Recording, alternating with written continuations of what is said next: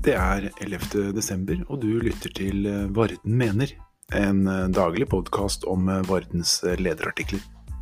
Jeg heter Tom Erik Thorsen. Aftenpostens avsløringer om hvordan Norges smitteverntiltak er blitt påvirket av industrilobbyen, er ikke bare oppsiktsvekkende. De gir grunnlag for å spørre om hvem som egentlig styrer dette landet. Kortversjonen er slik. Vi har behov for utenlandsk arbeidskraft. Og det er utstrakt kontakt mellom Knut E. Sunde i NHO-organisasjonen Norsk Industri, statssekretær Anne Grete Erlandsen fra Høyre og flere andre toppolitikere. SMS-utvekslingene dem imellom som Aftenposten har fått innsyn i, viser at de er på fornavn med hverandre, og vel så det. Norsk Industri lager en såkalt veileder som oversendes Helsedirektoratet og Folkehelseinstituttet. I veilederen droppes karantene på fritiden for arbeidsreisende. Importsmitte er en av de største risikofaktorene som har potensial til å skape en ny bølge i Norge, er rådet fra helsedirektør Bjørn Gullvåg og FHI-sjef Camilla Stoltenberg, ifølge Aftenposten.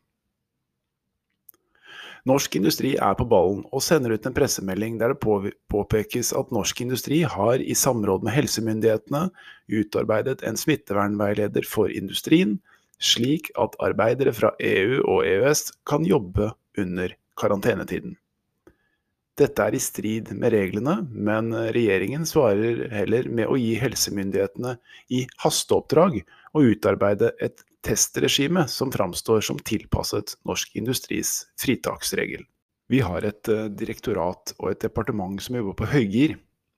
Jeg trenger å vite at de arbeider med noe dere kan være fornøyd med, skriver statssekretær Erlandsen til lobbyisten Sunde.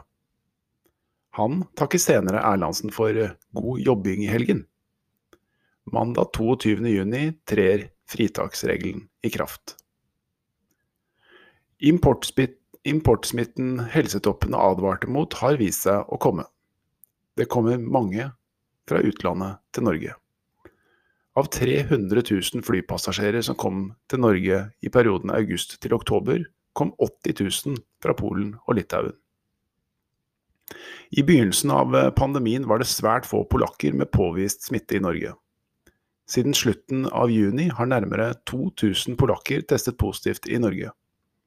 FHI knytter 40 av 300 utbrudd til importsmitte. 10% av dem som er smittet i høst, er knyttet til disse utbruddene. Vi ønsker ikke å bli dratt ned i søla og få skylden nå som importsmitte er blitt den store, stygge ulven, sier Sunde fra Norsk Industri til Aftenposten. Det kan man forstå. Det er også høyst naturlig at en regjering rådfører seg med, part med partene i arbeidslivet i en situasjon som denne. Pandemien rammer næringsliv og arbeidsplasser, men å la NHO styre og diktere pandemipolitikken på tvers av helsefaglige råd hører ikke hjemme.